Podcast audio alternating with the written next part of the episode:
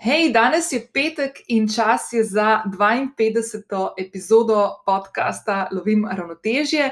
Danes sem spet sama uh, in uh, sem pripravila eno tako solo epizodo o temi, po kateri me kar v zadnjem času veliko sprašujete. Uh, to so knjige. Uh, danes bom v tej epizodi uh, povzela nekako eno tako dolgo listo knjig, ki sem jih v zadnjem času ali pa v življenju prebrala in so nami postile vtis. In se mi zdi, da je čas za tako eh, debato oziroma za take sezname res več kot odličen. Uh, zdaj, če poslušaš to epizodo v realnem času, potem um, veš, da se trenutno nahajamo v situaciji, kjer bomo spet veliko, veliko časa preživljali doma oziroma v nekih zaprtih prostorih. Uh, pred nami je malo bolj konkretna jesen, kot je bila do zdaj, pa zima. In mislim, da je ena tako lepa, lepa rutina, lepa stvar, ki jo lahko naredimo in si jo damo uh, kot darilo, je, da v roko vzamemo kakšno dobro knjigo uh, in preživimo uh, svoje dneve in trenutke z vsebinami, ki odpirajo tako našo glavo, kot naše srce. Zdaj, preden nadaljujem, lahko povem to, da knjige, ki jih bom danes naštela, tiste, ki so v angleškem jeziku, uh, Jaz ponavadi kupujem na spletni strani Book Depository uh, zaradi dveh razlogov. Prvič, zato, ker nima norih, uh, um, norih uh, cen za poštnino, in zato, ker so fulj zanesljivi. Uh, lahko povem, da se mi je enkrat zgodilo, da knjige nisem dobila, sem jim to sporočila in so mi poslali nov, nov izvod, tako da so tudi tudi dober tak uh, center za pomoč uporabnikom in kupcem. Uh, slovenske knjige običajno kupujem v Ljubljanskem konzorciju, se pravi v mladinski knjigi, ali pa si jih sposodim v moji lokalni knjižnici, ki je dejansko oddaljena kakšnih 100 metrov od vhoda v moj blog. In uh, danes bom s tabo delila knjige, ki so nekako na mojih policah uh, in segajo od poslovnih knjig do knjig za osebno rast, pa tiste knjige za, duše, za dušo, pa romane, ki sem jih v življenju prebrala in katerim se še vračam. Uh, tako da danes bom dala tak en tak celovit pregled nad knjigami. Verjetno so kakšne knjige, ki si jih že prebrala ali pa slišala, ali pa kakšne, ki si že slišala za njih, pa se še nisi lotila jih prebrati. Tako da nekako sem poskušala zaobjeti en tak res lep nabor knjig. Uh, če si nekako predstavljam, da bi vzela knjige z police, um, z mojih polic, pa dala na eno polico, tiste, ki jih res tako rada preberem, pa rada pogledam, uh, pogledam na njihove naslovnice in se spomnim trenutka, ko sem brala in kaj sem zvedla iz njih, so to naprimer te knjige. Uh, gotovo so še druge, gotovo jih je še več. Uh, če si prijavljena na moje enovičke, potem si že dobila tudi seznam 25 knjig, ki sem jih pripravila za, take, za sodobne ženske. Če še nisi prijavljena ali pa prijavljen, to lahko storiš zdaj. Knjige niso samo za ženske, no, nekatere so malo bolj poudarjene, take bolj ženske osebine, uh, druge so pa take za vse. Uh, zdaj, če nisi prijavljena, lahko skočiš spodaj na povezavo, se prijaviš in ta seznam dobiš, mislim, da dva ali tri dni po prijavi. Takoj prijavi, dobiš pa jutranjo rutino, ki je mimo grede še vedno daleč najbolj poslušana epizoda tega podcasta, to je bila epizoda 8. Zdaj, preden skočiva v današnjo epizodo, uh, te vabim, tako kot vedno, da če še nisi prijavljena na podcast Lovim ravnotežje, to lahko narediš zdaj. Prek aplikacije, na kateri trenutno poslušaš to epizodo, vedno sem vesela tudi ocen in mnen, tistih zvezdic, ki mi jih oddajaš, ali pa kakšno mnenje, če mi zapišeš v podcast aplikaciji, ali pa se mi oglasiš na sporočilo na Instagramu uh, s prijavo oddaje ocene in mnenja na aplikaciji, pri kateri poslušaš podcast, pomagaš, da za ta podcast slišijo tudi tebi podobne ženske in moški.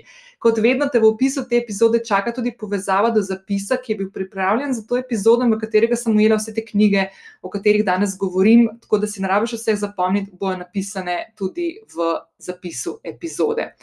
Uh, današnje knjige in seznam, ki ga navajam, nisem dala v neko posebno zaporedje. Dejansko sem šla tako, da sem šla po knjigah, ki sem jih imela uh, ob sebi, uh, sem jih prinesla v svojo domačo pisarno in nič, se sprehodiva zdaj skozi te knjige. Prva knjiga je knjiga The Power of Now, uh, Ekarta Tolija, ne vem, če pravilno izgovarjam njegovo ime, Ekart Tol ali pa Ekart Toli. Uh, in v bistvu gre za odo čuječnosti oziroma mindfulness, ne spravi, kako začnemo živeti v danem trenutku, kako poskušamo živeti življenje brez strahu pred prihodnostjo in skrbi, ki jih imamo iz preteklosti in jih nosimo naprej danes in potem tudi jutri. Um, mislim, da je to ena taka knjiga, ki posebej v tem času zdaj. uh, lahko pride vsem nam zelo prav.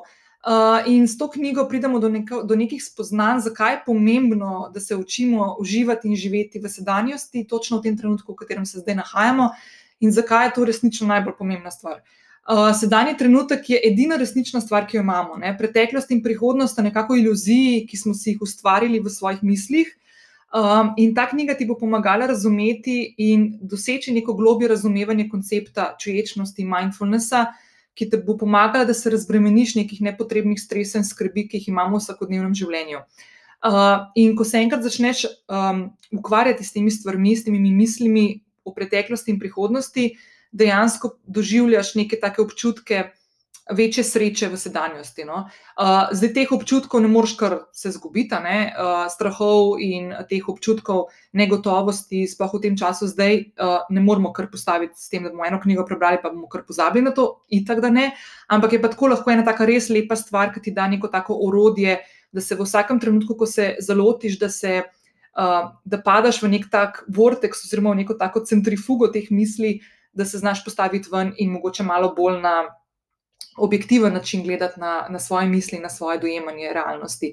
Še ena knjiga istega avtorja, ki je tudi top, Nova Zemlja oziroma The New Earth, uh, je knjiga, pa, ki se ukvarja um, s tvojo zavestjo in dojemanjem tvojega ega. In jaz lahko povem, da se v zadnjem obdobju uh, zelo veliko ukvarjam s tem, ko sem to knjigo uh, prebirala. Jaz jo sicer berem v angleščini in je ful, ful težka, tako da če, le, če je le možno, si jo dobi v slovenskem jeziku. Um, ful je fajn, zato ker ti da ful veliko uh, za, za misel o tem, kako določene situacije v življenju dojemaš skozi svoj ego. Ne? Ko si ranjena, ko uh, si jezna na kakšne odzive drugih ljudi, ko dobiš kakšen mail, ko dobiš kakšno sporočilo, ko dobiš kakšen odziv, povratno informacijo. In kako te stvari dojemaš, in dosti krat v bistvu iz tebe govori tvoj ego, ki je ranjen, in kako, kako lahko v bistvu stopiš ven iz tega in in, in se ne prepustiš temu, da te vodijo neki ti notranji občutki, ki so tvoji in ki dejansko ponavadi ljudje, ki so okrog tebe, ne poznajo. Zdaj, jaz lahko povem kot zanimivost, da uh, v zadnjem obdobju imam veliko, veliko um, komunikacije z ljudmi, ki so mi blizu. Um, ko naprimer se soočamo s kakšnimi izzivi uh, vsakodnevnimi in se doskrat, doskrat uh, vračamo k tej knjigi in pogovarjamo pogovarjali o tem, naprimer, tako, hej, a se ti veš, da je to tvoj ego, a, a veš čisto, a veš, to, to je to. Ne? Tako da, v bistvu, full, full, full, dobra knjiga, težka sicer, tako, do, dokaj težka za prebrati, ampak zelo, zelo, zelo fajn. Um, še ena stvar, um, Oprah je imela na svojem podkastu, uh, mislim, da Super, Super, Super Soul Conversations, je imela eno obdobje, mislim, da letos uh, v januarju.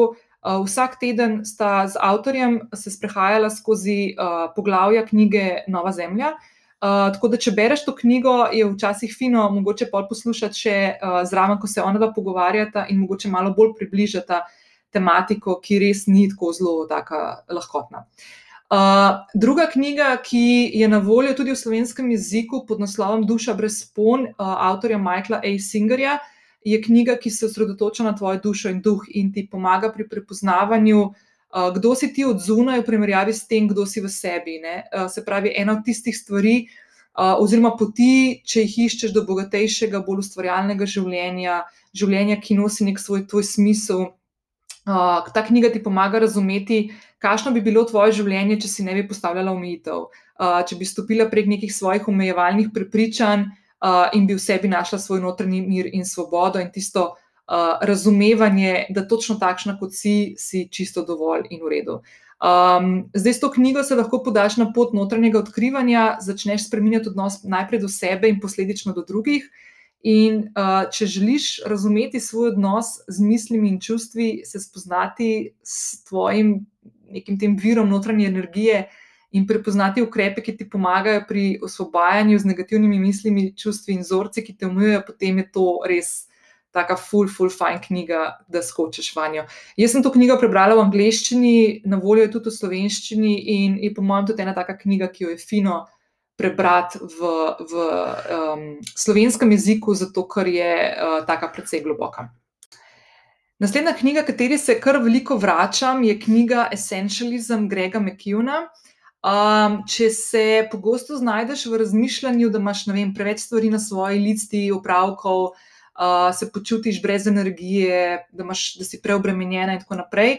Uh, potem je v bistvu knjiga Essentialism ful dobra zate, zato ker um, ti avtor skozi sistemsko razdelavo načinov razmišljanja nauči, kako v spredje postavljaš stvari, ki so v tvojem življenju, na tvoji poslovni ali posebni ravni pomembne in tiste, katerim bi se mogla vračati in biti na njih osredotočena. Uh, naučila se boš, na primer, delati manj in bolj pametno, oziroma če že delaš enako obseg, potem kako ga lahko narediš hitreje.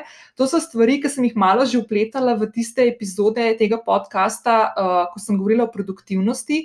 To so epizode od 24 do 29, ki mogoče tudi zdaj, v tem času, ko smo se spet vrnili v lockdown, um, jih lahko potegneš ven, sploh če, naprimer, si ponovno. Uh, V situaciji, ko delaš od doma, ko iščeš neke načine, kako, kako se uh, um, osredotočiti na svoje delo in nekako pustiti tiste distrakcije, ki jih imamo doma, nekako na strani. Zdaj, uh, avtor v tej knjigi uh, spodbija neke te sodobne predpostavke, um, ki jih imamo, um, ko, se, ko, ko, ko se pogovarjamo o tem, kako moramo vse narediti, pa prave stvari na pravi način, v pravem času. Vse te, te teze, ki jih v bistvu spremljamo, ki jih dobivamo, ki so tako klišejske, že v bistvu malo. No? Um, In te v bistvu fulte spodbuja, kako najdeš nek svoj notranji mir, ki je tvoj, ne more tega noben drug dati, ampak te v bistvu skozi to knjigo se naučiš, kako ga pri sebi najdeš, kako oblikuješ nek ritem, pa je lahko to ritem vsakega dne, ritem dela, ki bo res odgovarjal tebi. In še ena ful pomembna stvar v tej knjigi, ki se mi že tudi izpostavlja, mislim, da v deveti epizodi je da ti ta knjiga tudi odpira načine, kako v življenju usvojiš najbolj pomembno besedo uh, v našem in v vseh jezikih svetovnih, in to je beseda ne. Uh, kako rečeš stvarem, ki ti niso pomembne, ali pa ljudem, ki ti niso pomembni, ne brez slabe vesti, slabega občutka. Uh, mogoče tukaj lahko še dodam eno stvar, da uh, v življenju ni pomembno samo, da se naučiš, kako rečeš ne, uh, Ampak še ena taka fulepa filozofija, ki sem jo pa jaz v letošnjem letu začela usvajati, in to je, kako rečeš pozitivni ne. Se pravi, kako rečeš ne, ampak daš neko uh, alternativo temu neju, um, zato da uh, mogoče naslovnika, ki te je nekaj prosil, uh, ne vržeš čisto ven iz tira. Naprimer, če ti nekdo reče, hej, ja bi šla na sprehod, danes rečeš ne, ne morem, mogoče se lahko slišiva za kratek klic naprimer, ne, to je lahko pozitivni ne. Um, tako da, ja, to knjigo, se pravi Essentialism, uh, Grega McKeona, ful priporočam. Naslednjo knjigo, za vse tiste, ki me spremljate že dalj časa, veste, da je to neka taka moja mantra, v kateri se vračam vsak dan uh, in jo dejansko tudi kupujem uh, za darila ljudem za rojstni dan. In to je knjiga The Daily Stoic Ryana Holidaya. Uh, mimo grede, Ryan Holiday ima tudi podcast The Daily Stoic, v katerem um, ima take kratke solo epizode, nekaj minutne, v katerih uh, razdela neko misel stojka, tako kot v knjigi, uh, ima pa tudi pogovorne epizode, kjer gosti različne uh, sogovornike. Um, jaz imam uh, knjigo The Daily Stoic vedno na mizi ali v svoji domači pisarni ali pa na mizi, kjer ponavadi uh, pojem zajtrk. Uh, In to je prva stvar, ena od prvih stvari, ki jih zjutraj naredim, je, da preberem dnevno misel. Knjiga je tako narejena, da v bistvu lahko začneš brati kadarkoli, katerikoli dan v letu, ker na vsaki strani knjige je uh, ena misel antičnega stojka, se pravi enega starega ri, uh, uh, uh, Rimljana ali pa Grka, uh, naprimer Marka Aureli, um, pa še ostali, fulih je. No? Um, in je. Eh, misel tega stojka, potem, ki jo avtor prevede v neko uh, moderno razumevanje uh, sveta. In kar je fulj fascinantno pri teh stvarih in odkrivanju sveta stojkov, je to, da ugotovimo, da so se ljudje, misleci pred 2000 plus leti ukvarjali z zelo podobnimi uh, notranjimi boji, razmišljanji, strahovi, izzivi na osebni in na pač delovni ravni, kot se dejansko ukvarja tudi moderni človek v današnjem času. Um, jaz ponavadi primem v roke knjigo The Daily Stoic, preberem to misel in zelo, zelo pogosto se mi zgodi, da mi ta misel, ki jo tisti dan preberem zjutraj, da me spodbudi, ko potem odprem svoj dnevnik, da v bistvu se res navezujem na to misel um, in razpletem tiste stvari, ki se v meni dogajajo in so povezane z neko, neko zadevo. Naprimer, zdaj pred parimi dnevi sem se mal uh, soočala spet s tem sindromom usiljivca, o katerem sem tudi govorila v eni od uh, preteklih uh, epizod. Um, jaz sem trenutno v fazi, ko se z Mojco in Mašo uh, intenzivno pripravljamo na delavnico, ki jo bomo imeli čez dva tedna. Uh, in je to prvič ena taka stvar, ki jo bom delala in imam konstantno tako malo te interne dialoge. Uh, A bo to v redu, a bo to ljudem zanimivo, in tako naprej. In sem, na primer, zdaj le par dni nazaj odprla knjigo The Daily Stoic um, in je bila točno na to temo. Ne? Am I good enough? Um, a, to, a je to zanimivo, a to ni zanimivo. In je tako bilo samo, no, bi rekel, um, kako žeblica, glavico na žeblico. Tako da, ja, to knjigo absolutno priporočam vsem, fulje lepa kot darilo. Pa za vse tiste, ki delate v marketingu ali pa v kakšnih komunikacijah, je Ryan Holiday napisal tudi knjigo Growth Hacker Marketing. Um, ki je fulj zanimiva, pa če smo že tukaj, lahko povem še, da tukaj bi kar navedla še vse knjige od Gerija Vinerčeka, uh, Gary Vija, ki so v bistvu tudi take zanimive za vse tiste, ki delate v komunikacijah, v marketingu, uh, z družabnimi omrežji, novimi mediji in tako naprej. So to take stvari, ki se je vedno fajn malo vrniti, pa malo pogledati, pa videti, kaj se da narediti na našem primeru, da nekako uh, dvignemo nivo komunikacije ali pa razprašimo neke komunikacijske kanale. Ena od knjig, ki mi je letos um, v bistvu polepšala vse trenutke, ko sem to knjigo brala in me navdihovala, um, nekako polepšala, polepšala trenutke in uh, razumevanje sveta in kaj pomeni biti dober človek in biti dober vodja, je naslednja knjiga, ki jo ful težko dam v eno kategorijo. Zato, ker je autobiografija, je odlična poslovna knjiga in je odlična knjiga za motivacijo in navdih pri na poti osebne in poslovne rasti. To je knjiga A Ride of a Lifetime, ki jo je napisal uh, Robert Iger. Robert Iger je 15 let vodil podjetje Walt Disney in prek 30, skoraj 40 let je delal v medijih, najprej na ABC-ju, potem kasneje na uh, Walt Disneyju. In je knjigo, svojo autobiografijo, razdelil na dva dela. V prvem delu so poglavja, ki so pod skupno točko learning, se pravi, ko se je še učil, in v drugem delu so poglavja, ki sodijo uh, pod leading, ko je v bistvu prevzel vlogo vodje in začel voditi ljudi in podjetja. Uh, Robert Iger velja za enega najuspešnejših in najbolj inspirativnih voditeljev, sodobnih voditeljev v poslovnem svetu. Uh, v njegovi knjigi A Ride of a Lifetime, že na notranji strani platnic, uh, je napisal osem principov, ki bi jih moral, po njegovem mnenju, osvojiti vsak sodoben vodja, ki vodi ljudi, ne glede na to, koliko jih vodiš od optimizma, poguma, fokusa, um, uh, da si skozi mal uh, radoveden, empatije in še številni drugi. Zdaj, uh, ta knjiga je, po mojem, med top petimi knjigami, ki sem jih v življenju prebrala, in je absolutno, absolutno knjiga, ki jo mora prebrati vsak človek, ki se loteva podjetništva oziroma želje potem, da uh, gradi neko svojo ekipo in kako kako to početi. Um, on zelo notor lepo opiše tudi, kako je v času vodenja Disneyja uh, prevzemal tri velika podjetja, to so bila Pixar, tukaj fu lepo uh, uh, pove, kako je imel kakšen odnos imel s pokojnim Stevom Jobsom in kasneje Marvel in Lucasfilm. Uh, kako so v bistvu se v Disneyju odločili, da bodo šli v streamanje, se pravi v Disney, in kako je nadgradil uh, sodobnejšimi prijemi um, tradicionalno animacijo, po kateri je bil znan Walt Disney, kako je to prepleto skupaj z uh, ljudmi, ki so prišli iz Pixarja, konkretno, to so ljudje, ki so ustvarjali uh, Nemo, ta risanko, pa Toy Story in tako naprej, in kako je te stvari v bistvu um, prepleto, zato da je danes Disney uh, eden od. Ena, en, en, ena od firm, ki je v bistvu ena od uspešnejših. Če izuzamemo pandemijo, ki je posegla globoko tudi v njih, Pa lahko tukaj še omenim eno stvar, da Robert Iger se je upokojil, bi se lahko upokojil lansko leto, pa je potem malo podaljšal uh, vodenje podjetja do februarja letos. In ko se je začela v Ameriki odvijati kriza s pandemijo, ki je prišla mogoče malo kasneje kot v Evropi, še dva, dva tedna kasneje, je Robert Iger prišel nazaj uh, in, je, in je čistko bomo rekli, brezplačno, čeprav there's no free lunch, ne, uh, je šel nazaj pomagati uh, podjetju, v katerem je toliko časa preživel in mu je toliko veliko dal uh, novemu vodstvu in tako naprej, da so upravljali s tistimi prvimi posledicami uh, zaprtja, predvsem njihovih um, uh, parkov, Disney parkov uh, po celem svetu, ki jih imajo. Ne. Tako da, uh, full, full dobra knjiga, ena od res top knjig, ki je tako inspirativna in, in tako rečeš na koncu. Kaj bi dala, da bi imela jaz takega šefa v življenju, ko sem še delala v različnih podjetjih? Zdaj, če nadaljujem v tem, um, v tem duhu, uh, naslednje tri knjige so tudi iz sklopa mojega letošnjega poslovnega izobraževanja.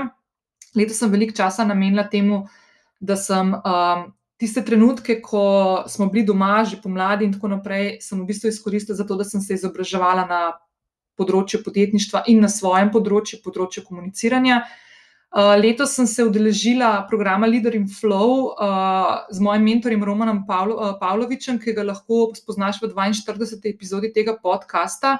In v tej epizodi se z Romanom pogovarjava o sodobnem vodenju in delovanju v flowu. Uh, torej v stanju telesa in duha, ko se počutimo najbolje in delujemo najbolje. To je nekaj tazga, ko naprimer vidiš otroka, ki se ful zamoti in pade noter v igro in mu mine čas in ne ve, kaj se okrog njega dogaja. To lahko vsak od nas doživi in se lahko naučimo načinov, kako pri sebi v pravem trenutku pademo v flow.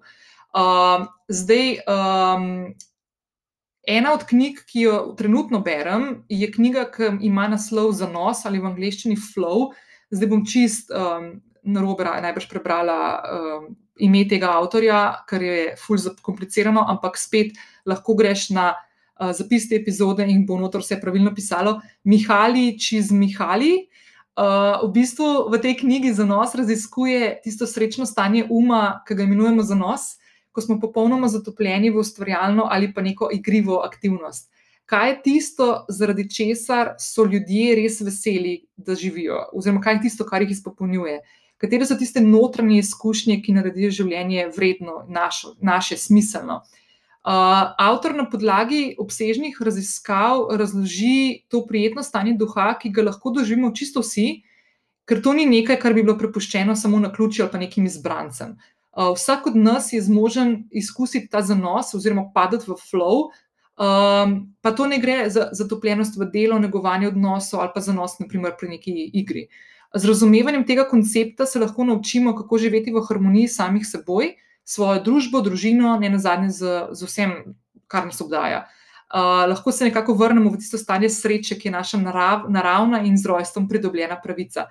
Zdaj, eden od načinov, kako verjetno čisto vsak od nas je to že videl večkrat v življenju, ko je gledal televizijo, uh, kako se um, športniki pripravljajo na tisto.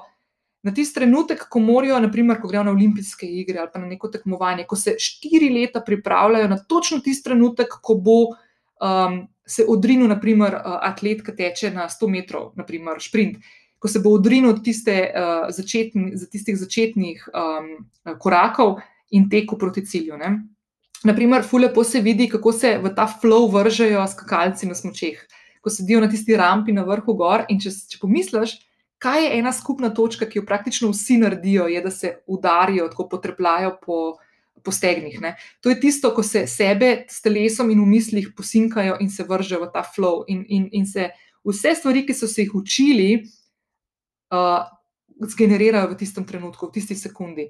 Uh, in to so stvari, ki se jih dejansko lahko naučimo. Uh, mi smo se tega na tem Leader in Flow programu učili uh, štiri mesece in je bilo ful fascinantno. In lahko rečem, da um, je način, kako danes upravljam svoje delo in kako se lotevam stvari, bistveno uh, drugačnejši. Uh, pa še ena stvar, da poudarim. Um, Ko padeš v flow in zgubiš občutek za čas, to ne pomeni, da si noter pol en mesec. Običajno gre za minute ali pa mogoče pol ure, eno uro. To ni stvar, ali pa včasih mogoče štiri ure ali pa še daljši sestanek. To so stvari, ki uh, so omejene časovno, tako da ni za to, da bi pač se naučil in pol bil celo življenje v tem flowu. Ne? Druga knjiga iz programa Leader in Flow, ki sem jo odnesla s seboj, je knjiga Jamesa Carsa, Finite in Infinite Games. Um, vsi smo obdani z nekimi pravili uh, življenjskimi, lahko so osebna, lahko so v odnosih, v podjetništvu življenje v bistvu sestavljajo en kup enih pravil. Ne. Če zdaj pogledamo okrog sebe, je ogromno enih pravil, ki se jih moramo vsi trenutno držati. Uh, pa ta knjiga zdaj ne nagovarja, da pač greš kršiti pravila, ampak v bistvu te uči, kako lahko v življenju, in to je še posebej dobro za podjetnice in podjetnike, um, pa tudi vse ostale, kako lahko v življenju igraš igro, ki nima konca, um, ali pa se odločiš za, za, uh, za igro, ki ima konec. Um, naprimer, mi smo že, ko smo odraščali, smo vedno igrali nekaj, ne človek ne jezi, se monopoli. Vedno so bile to neke stvari, v katerih smo lahko uživali, ampak vedno so se nekako končale. Ne? Um, ampak dejansko si lahko v življenju z različnimi mehanizmi naredimo uh, celotno to izkušnjo na način, da si postavimo pravila, ki jih naredimo sami, in igramo igro življenja ali pa poslovno igro, ki nima konca, ki ni, ki ni, v kateri nismo usmerjeni v to, da se bo nekoč nekaj končalo, ker ni nujno, da se konča. Um, tako da je taka ful. Um, Jaz, ko to knjigo berem, sem tako malo razbremenjena tega občutka, da bo nekoč nečesa konec, ali pa ne vem, ko bom dosegla to, pa ne vem, kaj bo pa naslednji izziv. Da v bistvu vse tako skupaj postane zelo fluidno. No? Tretja knjiga, tudi iz tega programa, je pa Jim Collins' Good to Great. In je v bistvu knjiga, ki govori o tem, kaj ločuje podjetja, uh, ki so uspešna, od tistih, ki so zelo, zelo uspešna. Tako da je ena taka res spet dobra knjiga za vse tiste, ki imate svoje podjetje, ki ga gradite, ki ga hočete razvijati uh, in se lahko iz nekih primerov uh, podjetij, poslovnih podjetij, naučite, kaj, tist, kaj so tiste točke, ko so se zgodile v neki rasti enega podjetja, ko se je zalomilo in kaj bi mogli narediti, da bi te stvari presegali in rastli naprej. Um, Zelo podobne stvari se dogajajo vsem podjetjem, tako da je, je ful dobro videti na takem res, res lepem prikazu, kje so tiste točke, koraki v neki rasti podjetja, kjer, kjer lahko sprejemamo določene odločitve in nas peljajo v to, ne, da postanemo naduspešni uh, pri svojem delu, uh, da se spravimo v to, da igramo igro, ki nima konca, ja, ali pa podjetje, ki nima konca, in da pri tem delujemo v flow, tako če zdaj čist nekako. Po, po, naredim eno tako, uh, zaokrožim te stvari v teh treh knjigah, ki sem jih zdaj le opisala. Naslednjih nekaj knjig bo takih malo za dušo. Če smo zdaj govorili o podjetniških knjigah, se bomo zdaj malo bolj osredotočili na te, uh, ki so tako prijetne za brati, um, ki, ki nagovarjajo naše srce, ne toliko našega razmišljanja, tega racionalnega. Uh, ena od knjig, ki sem jo dobila par dni nazaj, je knjiga Prvenec, uh, knjižni naše Nike Rčul.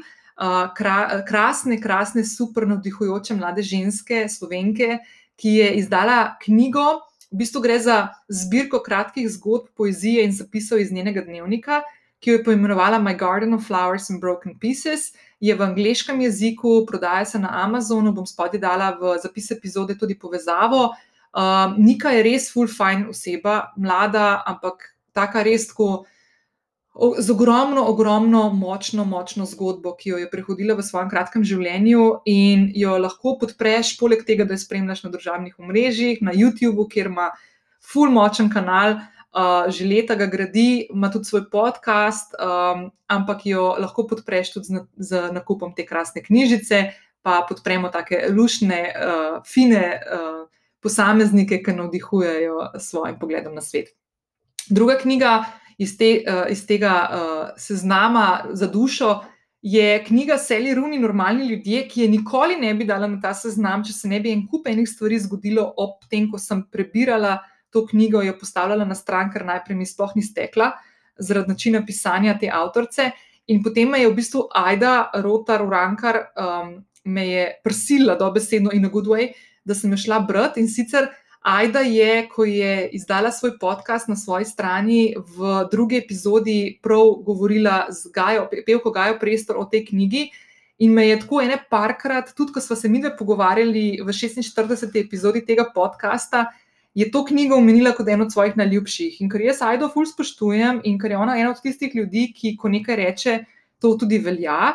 Uh, sem se odločila, da bom tej knjigi dala še eno priložnost, in potem sem, po mojem, nekaj 150 strani prebrala tako v dnevu in pol, nisem jo mogla spustiti, in je v bistvu knjiga, ki je tako, ko padeš v njo, ko padeš v ta flow in te ne pusti ven. Tako da je knjiga, ki je lušna za prebrati o odnosih uh, med dvema človekoma in kako se lahko zapletajo, razpletajo, kaj, kaj pomeni, ko nekaj pričakuješ um, kaj pomeni, ko si razočaran, in tako naprej. Krasna, krasna knjiga za te čase, zdaj le zvečer, kakšno večerno branje. Naslednja knjiga, taka za dušo, ki jo zdaj le berem. Moram, nisem povedala na začetku, da imam jaz, po mojem, deset knjig na dveh mojih nočnih umarcah in pol malo menjavam, kako se počutim. Ena od teh knjig, ki jo zdaj v zadnjem času berem, je knjiga Mihe Macinija Pohleb. Gre za zbirko kratkih zgodb in lahko povem, da sem že v prvi zgodbi se tako nasmejala nad nekim takim nepredvidenim twistom, ki se zgodi v zgodbi, da je to definitivno knjiga, ki jo priporočam, ker je tako res full, full, full fine za kakšne take večerne, večerna branja. Uh, naslednja knjiga, ki je blazno pomembna, je knjiga Roba Hobsona Umetnost spanja. Uh, ta knjiga vsebuje skrivnosti, kako po noči spati bolje, da bomo na koncu tudi v življenju srečnejši, mirnejši in imeli uspešnejše dneve. In knjiga vključuje tako znanstvene raziskave na svete strokovnjakov, kot tudi avtorjeve osebne izkušnje raziskovanjem tega področja. Uh, ne morem povedati, kako pomembno je, da dobro spimo, da si dovolimo čas za počitek, da res spimo ne samo dovolj, ampak tudi kakovostno. In je to res ena taka full, full, fine tema za jo raziskati, uh, čisto za vsakega od nas. Uh, Jaz mislim, da generalno gledano, sploh po tem času zdaj, imamo lahko malo več težav s spanjem, zato ker nas preganja uh, ta negotovost in občutek uh, tesnobe, doskrat. Uh, tako da je to ena taka stvar, ki nam lahko zelo, zelo, zelo koristi v teh časih. Sploh. Uh, naslednja knjiga, ki mi je bila blazno všeč, je knjiga The Monk Who Sold His Ferrari od Robina Šarme. Uh, Robin Sharma je zdaj sicer na eno drugo knjigo zunaj, uh, kako je fino vstajati ob petih zjutraj, um, ki jaz ne bom, po mojem, se lotila, zato ker si ne predstavljam, da obstajati ob petih zjutraj, ampak ok. Ampak ta knjiga, The Monk Who Sold His Ferrari, govori o tem, kako je uspešen odvetnik, ki je živel tako precej neuravnoteženo, nezdravo življenje in je bil tik pred srčnim infarktom. Se je v enem trenutku odločil, da bo vse stvari, ki jih ima prodal, pustil življenje, ki ga živi za sabo in šel in se podal na pot samo odkrivanja, uh, pri tem, da je spoznaval neke starodavne kulture in načine razmišljanja, iz katerih dejansko lahko črpamo en kup enih zanimivih uh, vsebin, ki nam lahko pridejo prav v življenju. To lahko jaz spomnim iz prve roke, kot ena oseba, ki je zelo skeptična bila vedno do teh uh, vzhodnjaških načinov razmišljanja. Uh, in ko sem se podala na uh, pot, uh, na jogijsko pot, ko sem šla delati uh, učiteljski tečaj za učiteljico joge, uh, sem toliko enih stvari tam spoznala, um, ki mi danes koristijo, brez da bi bistveno posegle v nek tak način uh, življenja ali pa razmišljanja. Oziroma, bom na robe sem rekla, zelo so posegle v to, ampak na tak zelo naraven, organski način, brez da bi zraven imela občutek, da sem za 180 stopinj se spremenila. Ampak sem se spremenila ravno v, tistih, te, v tistem delu eh, življenja in razmišljanja, ki sem najbolj rabila spremembo. Um, knjiga, ki sem jo letos brala, po mojem, dva dneva na plaži, od tistih šestih dni, ki sem letos bila na, na počitnicah, um, je knjiga Autobiografija ameriške pevke Ališe Kis. Um, to knjigo sem kupila zato, ker sem poslušala podcast Brene Brown, ki, v katerem je gostila Ališa Kis. In sem rekla, tako, to me je navdušila uh, s tem, ko je govorila o svojem življenju in o spoznanjih, do katerih je prišla kot uh, uspešna glasbenica, ki je pri svojih 17-18 letih doživela svetovno slavo in kako je potem upravljala s tem. Um, da sem rekla, da moram to knjigo kupiti in prebrati, in mi v bistvu fulni žal. Uh, ful je fajn knjiga, polna takih um, uh, skrivnosti in, in, in doživeti, ki jih je Ališa Kis doživela v svojem življenju, ki dejansko odpirajo potem tudi bralcu. Uh, uh Nekako tako misli, kaj je fino v življenju, zasledovati, katere stvari so mi pomembne, zaradi katerih stvari, ki so meni pomembne, sem se pripravljena boriti do konca, uh, kdaj, kdaj gre za bitko in kdaj gre za vojno, kdaj se odločaš, kako. Uh, tako da res, res, full, full, fine knjiga. In to je definitivno knjiga, ki jo, poleg The Daily Stoika, ki sem ga že omenila danes, uh, podarim z veseljem tudi kakšnemu človeku, ki ga imam rada za rojsten dan. Naslednja knjiga je čist kontra temu, kar sem zdaj povedala, ampak je tudi ena od knjig, ki sem jih letos skupila, ker je bila letos izdana. Dejansko je bila napisana v času, uh, pomladnega lockdowna. Uh, avtor je novinar, slovenski novinar Boštjan Videmšek, ki ga blazno, blazno spoštujem. Um, in, in vse stvari, ki jih je do zdaj naredil, od prve knjige, o kateri je govoril, o, mislim, da je bila izdana ravno na 10. obletnico 11. septembra, se pravi 2011.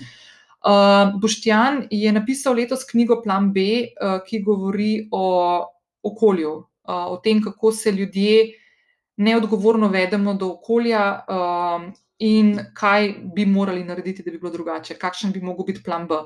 Uh, ful, zanimiva knjiga, ful, fajn knjiga. Jaz sem ful vesela, jaz Boštjana tudi osebno poznam. Uh, poleti smo bila, joj, zdaj se bom prav spomnila. Uh, poleti smo bila na, na kosilu v krasnem prostoru, uh, ki nažalost se je pred dobrim tednom zaprl, uh, zavedno in mi je full hudo, in to je kuča v Ljubljani. Uh, krasen prostor, s krasno hrano, s krasno energijo, s krasnimi ljudmi. Um, in z Boštjano smo imeli en tak fullušten klepet o tem, smo se malo posinkali, kaj se nam kaj dogaja v življenju. In uh, je vedno z njim se fullepo pogovarjati. In je eden od tistih ljudi, um, ki odpira misli. No? Ko bereš njegove članke, intervjuje um, o, o razumevanju svetovnih sil, ki se dogajajo, ali pa, ali pa okoljevarstvenih, je v bistvu res tako, fulti da zamisliti. No? In jaz sama sebe nimam za človeka, ki bi se blazno obremenjevala z okoljem. Uh, v zadnjem času se veliko bolj, kot sem se prej. Uh, ampak mi je ta knjiga v bistvu res tako, full fine in jo full priporočam. Uh, plan B, Boštjan Videnšek, definitivno za ugrizentovanje. Naslednja knjiga je še ena knjiga, ki sem jo letos uh, odkrila, uh, ker je bila letos izdana in sem jo odkrila zaradi Brene Brown in njenega podcasta. Res, jaz, jaz tega podcasta ne morem poslušati, zato ker čisto vsako knjigo uh, bi kupila, tako kot je omenil noter, pa se pogovarja z avtorjem kakšne knjige, tako res ima ful dobre pogovore. Uh, pa pridem še do Brene Brown, malo kasneje, plus polinkala bomo vse te stvari tudi uh, v show notes. Uh, naslednja ta knjiga je knjiga Untamed, oziroma Neukročena, avtorice Glennon Doyle. Um, zdaj, tako, ta knjiga je knjiga, ki bi jo mogla vsaka ženska prebrati. Pa niti ne gre za to, da ima notri toliko enih stvari napisanih, toliko enih znanj in ne vem česa, ampak Jaz, ko sem to knjigo brala, mi je odpirala določena področja v mojem življenju, za katera imam že oblikovano neko mnenje, uh, in ga nisem dosti spremenjala, mi je pa dala en kup enih istočnic, da sem sama pri sebi razmišljala. Od tega, uh, kako dojemam sebe, kako dojemam uh, pomembne stvari v življenju, kot so delo, ljubezen, odnose, prijateljstvo, um, odgovornost do sebe, odgovornost do drugih.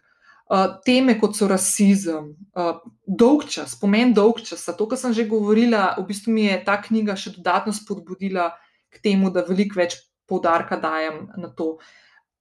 Ful je dobra knjiga, super je napisana v takih poglavjih, ki se tematsko lotevajo ene teme, naprimer rasizem, rasizma, uh, ki je bilo letos še posebej uh, burno na, področju, na tem področju, v, ne samo v Ameriki, ampak globalno gledano, se je to prelilo na vse ful dobra knjiga, ki jo absolutno priporočam, da jo vse preberete. To je knjiga, naprimer, ki jo tudi dajem za rojstne dneve, pa za darila. Uh, tako da absolutno knjiga za prebrati. Um, pa pa vzeti dnevnik, pa zraven pisati svoje misli, pa se razvijati, ker se mi zdi, da ko to knjigo zapreš, si še boljši človek, kot si bil prej, kar je point vsega. Naslednja knjiga je zadnja knjiga, ki sem jo prebrala do konca. Pa zakaj to podarjam? Zato, ker res naenkrat na berem več knjig, ampak to knjigo, naprimer, nisem mogla odložiti. In to je knjiga Malcolma Gladwella, Pogovarjanje z neznanci. Uh, gre za knjigo, ki skozi različne primere uh, opisuje, kako pomembno je, da ne delamo hitrih zaključkov pri ljudeh, posebej pri ljudeh, ki jih ne poznamo, v situacijah, ki jih ne poznamo, uh, in kako prihaja do tako imenovane prevzete resnice, ko dejansko sprejmemo neke stvari kot dejstva pa zakaj do tega pride, da v bistvu imamo to že nekako ponotranjeno v našem načinu razmišljanja, delovanja in tako naprej. In skozi različne primere, od um, naprimer raznih um, skritih dvojnih agentov uh, v ameriški zgodovini, uh, ki so delovali za dve strani, naprimer za Kubo in Ameriko, ali pa za takratno Sovjetsko zvezo in Ameriko, kako jih niso odkrili in zakaj jih niso odkrili, uh, do raznih uh, policijskih nasilij uh, nad črnskim prebivalstvom v Ameriki, zakaj do določenih stvari prišlo, zakaj do tega prihaja. Če hočemo to razumeti, je ful dobra ta knjiga. Pa ne samo v teh stvarih, ampak dejansko tudi o tem, kako mi dojemamo ljudi, kako jih ocenjujemo na podlagi mimike, na podlagi določenih odzivov na situacije in tako naprej. Ful, zanimiva knjiga, ki ti da res, res, res, res zamisliti. Ok, zdaj pa čist na koncu še ene par takih klasik, ki se mi zdi, da je fino, da se jih prebere. Nekaj teh klasik, sem jih dala pod klasike, no, čeprav nekatere so nove, novejše knjige. Um, to so tiste knjige, ki se mi zdi, da bi bilo fajn v življenju prijeti v roko in prebrati. Ne? In zdaj bom najprej omenila eno knjigo, uh, ki je, ko se spomnim nazaj v svoje življenje, uh, je bila prva taka knjiga, za katero se spomnim, da sem jo v šusu prebrala, da nisem mogla spustiti iz rok in da sem bila ful žalostna, ko se je končala, zato ker bi komod brala še, ne vem, še enkrat toliko ali pa več. In to je knjiga Vzhodna odraja Johna Steinbecka. Uh, John Steinbeck je tudi nagrajen, Nobelov nagrajenec za literaturo, bil leta 62 in Pulitzerjev nagrajenec iz leta 40, 1940. Ta knjiga je šla leta 52 in govori, začet, uh, se, se dogaja okoli začetka 20. Uh, 20. stoletja po prvi svetovni vojni v uh, dolini Salinas v Kaliforniji in opisuje uh, take družinske odnose dveh bratov. Uh, uh, tako zelo, zelo zanimivo in dojemanje takratne družbe v Ameriki. Uh, tudi malo se sooča s tem, ko je bila še državljanska vojna, uh, 40-50 let predtem uh, med uh, severom in jugom. Mislim, ful taka, tako zgodovinski pogled, uh, odnosi, razumevanje sveta. Ful, ful, dobra knjiga. Po tej knjigi je uh, bil posnet tudi film, uh, v katerem je igral pokojni uh, James Dean, pa lahko povem, da je knjiga ful boljša. Pa letos sem to knjigo dobila spet v roke in um, jo zdaj le držim v roki, tle, ko govorim. Uh, jo bom tudi slikala uh, in jo bom objavila fotko v, um, na, na, v zapis epizode. Zakaj? Zato, ker je to knjiga, uh, ki sem jo dobila pod ena od redkih stvari, ki jih imam po mojem pokojnem dediju, dedku uh, Laurotu, očetu od mojega očeta. Uh, s katerim sem dejansko odraščala. Jaz sem prva štiri leta svojega življenja živela uh, z babico, pa detkom, pa mojima staršama v Murglah, v Ljubljani. In moj dedek in babica, mama Menči, sta imela uh, knjižnico doma. In vsaka knjiga notri, zdaj kot prejem tukaj, uh, ima noter štampilko Despari Lauro. Uh, ker je on tudi sposojal knjige in je vodil evidenco, uh, komu je posodil, kater dan, pa so knjigo vrnili, in tako naprej. Uh, In ta knjiga, ki jo imam v roki, je izdaja iz leta 64. Cankareva založba v Ljubljani jo je izdala in je knjiga notri čist rumena. In von je po tisti stari knjigi, ki jih dobiš tako v antikvariatu, tako čist noro. Um, in to je eden od razlogov, zakaj imam jaz rada knjige v roki. Ne, pravi, jaz, jaz ne bom rekla nikoli, never say never, ne, ampak jaz si fulno predstavljam, da bi knjige brala na, na Kindlu ali pa na iPadu. Uh, jaz moram imeti knjigo v roki, moram čutiti liste uh, ali pa vonjati. Ne? In tole, to knjigo, to je po mojem ena od najbolj dragocenih stvari, ki jih imam v življenju. Uh, ta druga, ki imam tudi po drugem detku vlado, tu je tle za mano, uh, je njegov slamnik, Panama slamnik, ki ga je full red nosil. Um, tako, take stvari so meni tako full, full, full pomembne, da jih imamo v življenju. In to knjigo vzhodno odraja sem v bistvu v začetku letošnjega leta našla pri moji sestrici Maji in je rekla: Ej, na to knjigo pa lahko vzameš, ker vem, da ti je bila ful všeč. In sem bila ful vesela, zato ker, um, ko se je pred nekaj leti moja babica, mama Menči, eh, preselila v varovano stanovanje, smo 99 odstotkov knjig iz te knjižnice njune eh, in mojega pokojnega dedja Laurota. Dali v antikvarijate po Ljubljani. In tako da, če slučajno kdo kdaj naleti na kakšno knjigo, ki je noter Gaspari Lauro um, štempilka je to od mojega detka in upam, da uživa, uživa v prebiranju teh knjig. In ta knjiga, Vzhodno odrajena od Johna Steinbecka, je ena od redkih knjig, ki smo jo zadržali. Uh, v bistvu, predvsem zato, ker je to knjiga, ki je meni uh, kot prva knjiga, da se spomnim, uh, da sem tako noter padla v, v njo, da enostavno nisem mogla uh, nehati brati. Tako da, evo, uh, John Steinbeck, Vzhodno odraja, klasika za prebrati.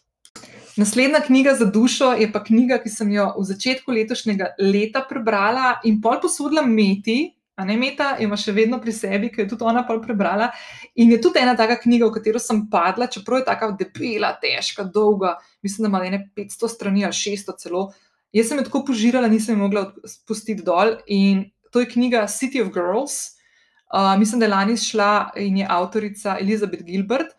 Elizabeth Gilbert je avtorica, ki je napisala tudi Eat, Pray, Love, um, jej uh, moli ljubi, uh, ki je spet tako fina za zdaj brati, ker ne moramo potovati, pa gremo lahko malo v Indijo, pa v Italijo, pa na Bali. Um, City of Girls je v bistvu knjiga, ki jo je Elizabeth Gilbert pisala kar nekaj časa in je knjiga, ki se odvija v New Yorku v med 20 in 40 leti prejšnjega stoletja in govori o ženskah, ki so delale um, v gledališču. Um, in je tako, začne se knjiga z pismom, ki ga um, protagonistka te knjige dobi od ene druge ženske in jo notri vpraša, kaj si imela z mojim očetom. Moj oče je umrl, kaj si ti imela z njim. In ona, v bistvu, ta prva pr, oseba, uh, glavna igralka knjige, uh, skozi knjigo razlaga svoj odnos z očetom te ženske. In, in je v bistvu odgovor na njeno pismo. V bistvu je to pi, dolgo pismo, v, uh, ki vključuje odgovor, kaj, kakšen odnos je razvila. In do konca, praktično do vem, 20 strani do konca, zveš, kdo v njenem življenju je bil ta oče in kaj je pomenil v njenem življenju. Tako fulepa knjiga, ki ne moreš odložiti, uh, tako res, res huda, nabita z eno tako lepo energijo. Uh, uh, nostalgijo po časih, kako si predstavljaš, kakšen je bil New York v 40-ih letih, 50-ih letih, kako se je razvijal. Sploh tisti, ki ste že kdaj bili v New Yorku, ful je zanimiv, tako res, res je ful dobr. Tako da, evo, uh, City of Girls, Elizabeth Gilbert. Pa ko smo že pri Elizabeth Gilbert, omenila sem že ta Eat, Pray, Love, ki po mojem smo ga vse prebrali. Uh, je pa še ta tretja knjiga njena, ki je ful huda. Big Magic je pa knjiga uh, o kreativnosti, uh, Um, za vse tiste, ki pišemo, smo kreativni, rišemo, ustvarjamo, kako jo najdeš, uh, kaj se nam dogaja, ko nismo kreativni, kako se samo obsojamo, kakšne notranje dialoge imamo, in tako naprej. Uh, in mimo grede, Elizabeth Gilbert je sicer nažalost nehala uh, z oddajanjem tega podcasta, ampak ima tudi podcast Big Magic. Uh, bom jaz uh, ga polinkala spodaj, ker tiste epizode, ki so še na voljo, sicer so že stare, ampak te epizode, ki so na voljo, so ful lepe, tako ful, ful fajn in ful polnenih kreativnih iskric. Tako da, uh, če te to zanima, ti ful svetujem, da greš prebrati in poslušati. Še ena taka ameriška klasika, oziroma klasika svetovne zgodovine in še ena policereva nagrajenka Harper Lee je knjiga To Kill a Mockingbird. Je um, knjiga, ki odpira ful enih takih. Tem, ki so še vedno aktualne, starševstvo, odnosi, rasizem, uh, in en kup enih drugih stvari. Tudi film je bil posnet po, temu, po tej knjigi, uh, Fule dobro, tako res. Pa, ko smo že tukaj, no, um, tudi knjige um, uh, Maja Angelov so pač, ne bom, ne bom izpostavljal nobene posebej, ampak res vse, od poezije do, do romanov, ful so hude. Ja. Uh, naslednja knjiga, ki je. Uh, jaz imam eno biografijo, ampak lahko po kateri koli posežeš, ker v bistvu ni fora o tem, kdo jo je napisal pa kjer o knjigo, ampak gre za osebo.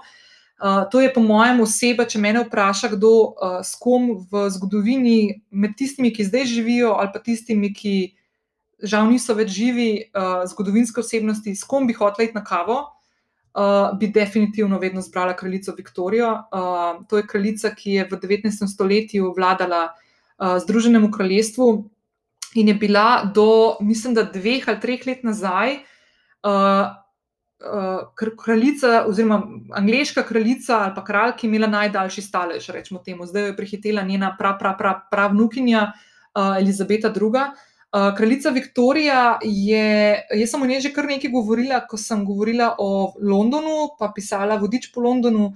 Um, je ena od ne vem, najbolj fascinantnih osebnosti za mene v zgodovini, ker je v času, ko uh, ženske niso, ble, niso imeli nekih takih mest. Ali pa niso razmišljali tak, na, na moderen način razmišljanja eh, tega, kar, kaj, kaj je vloga ženske v družbi, je ona bila zelo, zelo, zelo napredna, zelo je bila pred svojim časom v določenih stvarih, ne v vseh. Naprimer, ni, ni bila zato, da ženske dobijo volilno pravico, uh, ampak je imela pa en kup enih drugih stvari, s katerimi je v bistvu um, nadgrajevala čas, v katerem je živela in dejansko oblikovala uh, do določene mere tudi sedanjost, v kateri mi vsi živimo. Ne? Ona je bila ena od tistih gonilnih sil. Uh, ful zanimiva stvar je, da uh, kraljica Viktorija se je poročila s svojim bratrancem Albertom. Za vse tiste, ki ste bili že v Londonu, poznate sigurno muzej Viktorija in Albert, uh, to je po njiju potem je uh, Royal Albert Hall, je tudi po uh, Albertu.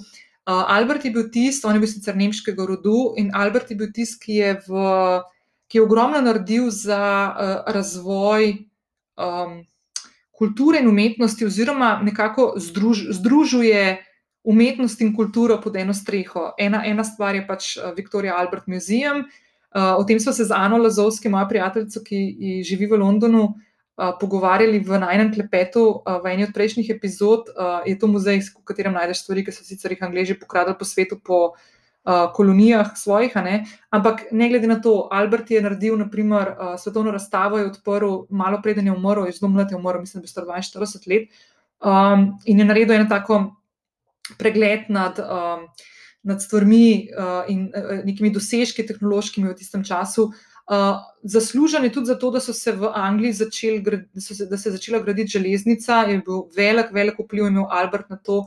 Um, tako da, ja, ful zanimiva knjiga o njenem življenju, tudi o tem, kako je naprimer, v zadnjih letih svojega življenja imela zelo, zelo, zelo uh, tesen uh, odnos. Uh, nekateri celo uh, so mnenja, da je bil um, intimen z uh, svojim. Uh, kako ne rečem temu, enim od ljudi, ki je delal za njo, uh, Abdulom, to je bil mlad uh, Indic, ki je prišel na angliški dvor in jo je tako uh, usvojil, da se je kraljica Viktorija začela učiti tudi hindujščino. Da, in pisati tudi v hindujščini, in, in, in, in arabščino. Da, mislim, ful zanimivo. No? Ona je bila res meni taka ful fascinantna oseba. Uh, Druga oseba, fascinantna, žal pokojna, uh, je Anthony Bourdain, ameriški kuhar, ki je dve leti nazaj naredil samomor, nažalost. Uh, on je izdal knjigo Kitchen Confidential, ki je, po mojem, ena kultna knjiga za vse tiste, ki smo gurmani in uživamo v svetu kulinarike.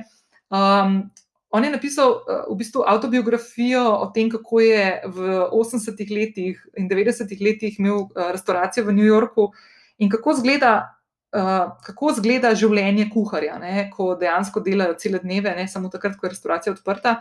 Um, Fulejnih nasvetov, da noter, naprimer, kdaj, je, jest, kdaj naročiti ribo v restauraciji in kdaj ne. Uh, zato, ker je fino, da veš, kdaj ponavadi v katerem dnevu tedna naročajo sveže ribe in pač naročiš tisti dan ali pa dan kasneje in ne potem kasneje. Ne. Ampak jaz sem brala eno uh, to knjigo v izvodu, ki je izšla, izšel, po mojem, deset let potem, ko je ta knjiga originalno izšla in v kateri je Anthony Bourdain uh, z roko napisal pripombe zraven uh, na knjigo, ki jo je pred desetimi leti izdal sam. In tako, kao, uh, s tem se še vedno strinjam, o Kiramona, kaj sem to napisal tukaj. Tako da, ful, ful, dobra knjiga. Tako da, če, če, če imaš možnost, da ujameš to izdajo, ki je uh, nekako obogatena z njegovimi še dodatnimi mislimi, je to ful, ful, ful noro. Tako da, evo, Anthony Bourdain, Kitchen Confidential. Uh, naslednja avtorica, Mm, ker ne bom posebej rekla, kje knjigo izber, ker so vse ful dobre, pa sem danes že omenila, je Brené Brown. Uh, mogoče no, da začneš z Daring Greatly, kako lahko pogum pa ranljivost spremenita tvoj svet in vse, kar v njem počneš, kako si lahko dovoliš ranljivost in, uh, in dovoliš, da je to najboljša in najmočnejša um, lastnost, ki jo imaš, ne? Ne, ne da kažeš svojo šibkost. Uh, Brené Brown je ena taka res krasna, krasna oseba in avtorica. Uh, meni je full fine in podcast uh, Unlocking Us, ki sem ga danes že omenila, uh, ponovadi vse knjige, ki jih tam slišim, kupam. Uh, tako da, ja, Brené Brown definitivno je za prebrati, pa za poslušati, sploh v tem času, k, uh, v katerem zdaj živimo in, po mojem, vsi malo hlepimo po tem, kako lahko svoje življenje malo bolj usmislimo z nekimi bom rekla, mol, mogoče bolj pozitivnimi, navdihujočimi trenutki, na katere pa v bistvu čisto vsak od nas lahko edino samo vpliva. Evo, tako le nekako. Ne vem, koliko knjig smo dali skozi, po mojem, zihar 30, če ne več. Um, še enkrat, če nisi prijavljena, prijavljena na moje inovičke, lahko spodaj uh, skočiš, se prijaviš. O prijavi boš dobil, dobila takoj uh, jutranjo rutino, uh, ki ima full fine ideje noter, plus recept, ki se ga bom jaz prav danes lotila še enkrat. Eh, domače, hladne stiskanega uh, soka, kurkume, ingverja in limoninega soka, ki je ful dobro za krepitev imunskega sistema. Recept je vključen v te jutranje novičke, in nekaj dni po prijavi dobiš uh, na svoj e-mail tudi seznam knjig, ki, še dodatnih knjig od teh, ki sem jih danes omenila, zato jih ne podvajam. Tako da skoči tja, se prijavi in ujemi.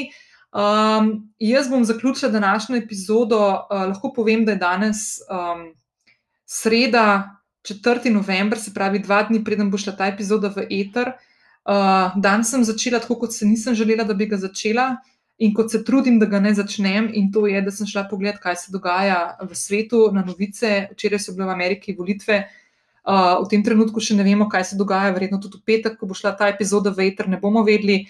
Ampak glede na to, da je to taka stvar, ki v bistvu vpliva tudi na nas, če ne drugega, uh, s tem, da uh, so tudi naši mediji polni novic iz Amerike, je po mojem, smo vsi mal uh, pod vtisom, kaj se tam dogaja. Ne? Uh, jaz poskušam, sploh zdaj te čase, uh, bdeti nad tem, koliko novic uh, uh, ujamem vsak dan, uh, poskušam svoje dneve začeti ne s tem, da grem na novice. Danes nisem mogla pomagati, ker mi je fulfirbec smatral. Um, in se mi zdi, da knjige so lahko ene take, ful, ful, lepe. Um, uh, ful, ful lep način, kako preusmerjamo neko pozornost drugam. Uh, sploh, naprimer, zvečer, ne, ko radi vzamemo še telefon v roke in gremo še ta zadnjič, ali pa pred zadnjič, ali pa pred, pred, pred zadnjič na Instagram, ali pa TikTok, ali pa Facebook, ali pa novice in tako naprej, ali pa Twitter, karkoli pač spremljaš. In gremo pač te stvari gledati. Um, zdaj, um, jaz, na primer, v zadnjem obdobju lahko rečem, da poleg tega, da fura, da berem knjige, uh, nekaj knjig, ki sem jih danes naštela, so tudi tist, med tistimi knjigami na moji nočni omarci, uh, ki, ki jih, fu, po katerih posegam. Imam pa še eno uh, prakso, danes sicer pač je odpadla, ne, kot sem rekla, da sem šla mal, mal po drugi poti začeti dan, kot sem si ga želela. Ampak načeloma jaz te knjige, tudi med njimi, te, ki sem danes naštela, ki so malo bolj take za razmišljati zraven. Uh, ali so vezane na neko podjetništvo, ali so vezane, ali so še neke malo teže teme, naprimer, ne vem, Nova Zemlja ali pa The Power of Now. Uh, To so, na primer, knjige, ki jih jaz fulj težko berem zvečer, zato ker sem utrujena, ker zvečer rabim neko tako stvar, ki me malo sprosti, ki je bolj tako za srce, pa dušo, ne toliko za glavo. Pa ne pomeni, da tiste stvari, ki jih zvečer berem, da, da niso intelektualne ali pa tako, ne, da niso neki taki miselni presežki um, napisani, ampak uh, drugače dojemam neke romane, kot naprimer neke take knjige, ki so bolj uporabne za neko vsakdanje življenje ali pa pri delu mi pomagajo, naprimer pa odpirajo neke nove metode razmišljanja, delovanja, nove modele in tako. Uh, Ponavadi to zjutraj naredim. Ne? Jaz imam na moji mizi, tam, ki me čaka dnevnik, pa kjer je že knjiga The Daily Stoic, imam ene tri knjige. Um, ena knjiga je povezana s tem, kako uh, spremenjam odnos do denarja. Uh, ena od teh knjig je ta uh, Finite in Infinite Games, um, pa Good to Great, ki sem jih danes omenila. To so, na primer, knjige, ki jih jaz zjutraj prebiram, pa si kakšne zapiske delam zraven. Tako, uh, Uh, tako da, evo, to so knjige, meni se zdi full fine, da veliko beremo. Uh, te bom povabila, da greš uh, k Aidi, uh, Rotar, uh, Urankar, ona objavlja uh, podcast na svoji strani, zdaj so sicer dve epizodi objavljeni, pa verjamem in upam, da bo kmalo še nova. Uh, prav poudarek je na knjigah in o uh, debati, ki jo potem razvije z določeno osebo na temo določene knjige. Uh, Uh, eno knjigo bom še izpostavila um, in to je knjiga, ki sem že govorila o njej in jo je tudi Aida imela v prvi epizodi in to je knjiga Kako izgoreti Aljoše Bagole. Uh, Aljoša je moj sošolec bil na faksu, pa moj sodelavec, ko sva bila na pristopu, jaz sem tam eno leto, on je bil tam predvsej dal časa. Um, ga poznam ful dobro, doskrat sva se tako ujela, pa se pogovarjala tudi potem, ko je doživel izgorelost. In je ta knjiga za vse tiste, ki se v tem času ukvarjate uh, s svojim dojemanjem sveta, mogoče s kakšnimi tesnobnimi občutki, z nezadovoljstvom v službi, um, iskanjem smisla v življenju, osebnega in, in poslovnega. Je to lahko ena taka knjiga, ki ti da, ti odpira malo stvari. No? Sploh tisti, ki mogoče se na, znajdete v nekih situacijah, ko ste pod pritiski, uh, ne čakati, da, da kolapsirate, mogoče je fino takšno tako knjigo vzeti že prej v roke, pa malo prelistati, pa prebrati. Um, ali jo še fulepo opisal svojo zgodbo s tem, uh, z, uh, z izkušnjo izgorelosti. Uh, fulepo, meni je fully všeč to, da je v bistvu, um, predvsem njegova knjiga, no se tudi druge, ampak on je bil res tako velik, tako izpostavljen, da se mi zdi, da mu je tukaj res treba dati kapo dolno. Da, je, da pomaga destigmatizirati tematiko izgorelosti, ki je še vedno ena od tistih stvari, ki jo čist prepogosto jemljemo kot neko šibkost pri človeku, ko se mu to zgodi. Uh, izgorelost je bolezen sodobnega sveta, bolezen sodobnega človeka, vsak od nas se s tem lahko sreča v življenju. Um, izgorelost ni, da delaš preveč, pa si zaradi tega utrujen, pa kolapsiraš. Izgorelost je. um, ko se znajdeš v situaciji preobremenjenosti in ugotoviš, da delaš stvari, ki nimajo smisla, da v življenju nimaš smisla, da ne veš čez dobro, kaj doprineseš svetu, kaj doprineseš sebi, kaj doprineseš ljudem, ki so okoli tebe, ko enostavno tavaš v neki temi in ne veš čez dobro, kako iz tega. In jaz mislim, da se s temi stvarmi prej ali slej vsak od nas sreča, eni nažalost tako, da resnično doživijo kolaps sistema na fizični ravni, ko telo začne odpovedovati, uh, drugi z mentalnim odpovedovanjem, z depresijami in tako naprej. Um, to lahko skočiš tudi na 49. epizodo tega podcasta, ko sem govorila o svoji izkušnji z depresijo in poti do mentalnega, duševnega zdravja, oziroma nekega bolj uravnoteženega življenja.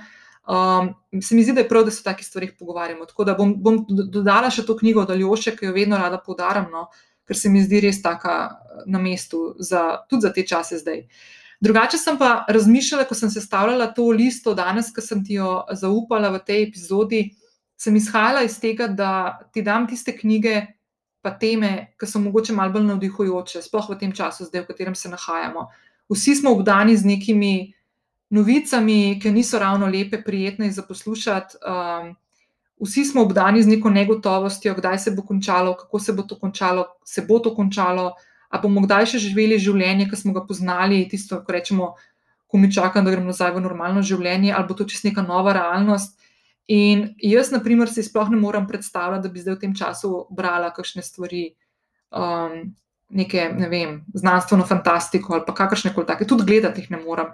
Uh, in fura, da posegam po takih stvarih, ki me v bistvu navdihujejo, me, ali so romani, ali so neke klasike, uh, ali, so, ali gre za neko preusmerjanje misli v neke stvari, ki mi lahko izboljšajo um, svoje dojemanje podjetništva, poslovnega sveta, osebne rasti, duševne rasti. V glavnem, take stvari, ki mi nekaj dajo, da lahko nekaj odnesem, da na koncu dneva rečem, ok, danes sem pa nekaj izvedela, kar lahko jutro uporabim. Tako da, evo.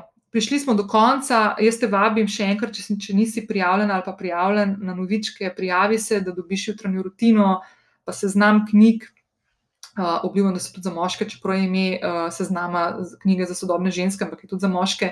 Tako da uh, zdaj te bom pustila za danes, jaz ti želim en krasen, krasen petek, uh, lep vikend, uh, da jim zdržati vse te stvari skupaj, uh, tudi s kakšnimi uh, skoki med lepe, lepe strani, ki so jih napisali krasni avtori, uh, pa se slišmo naslednji teden. Adijo!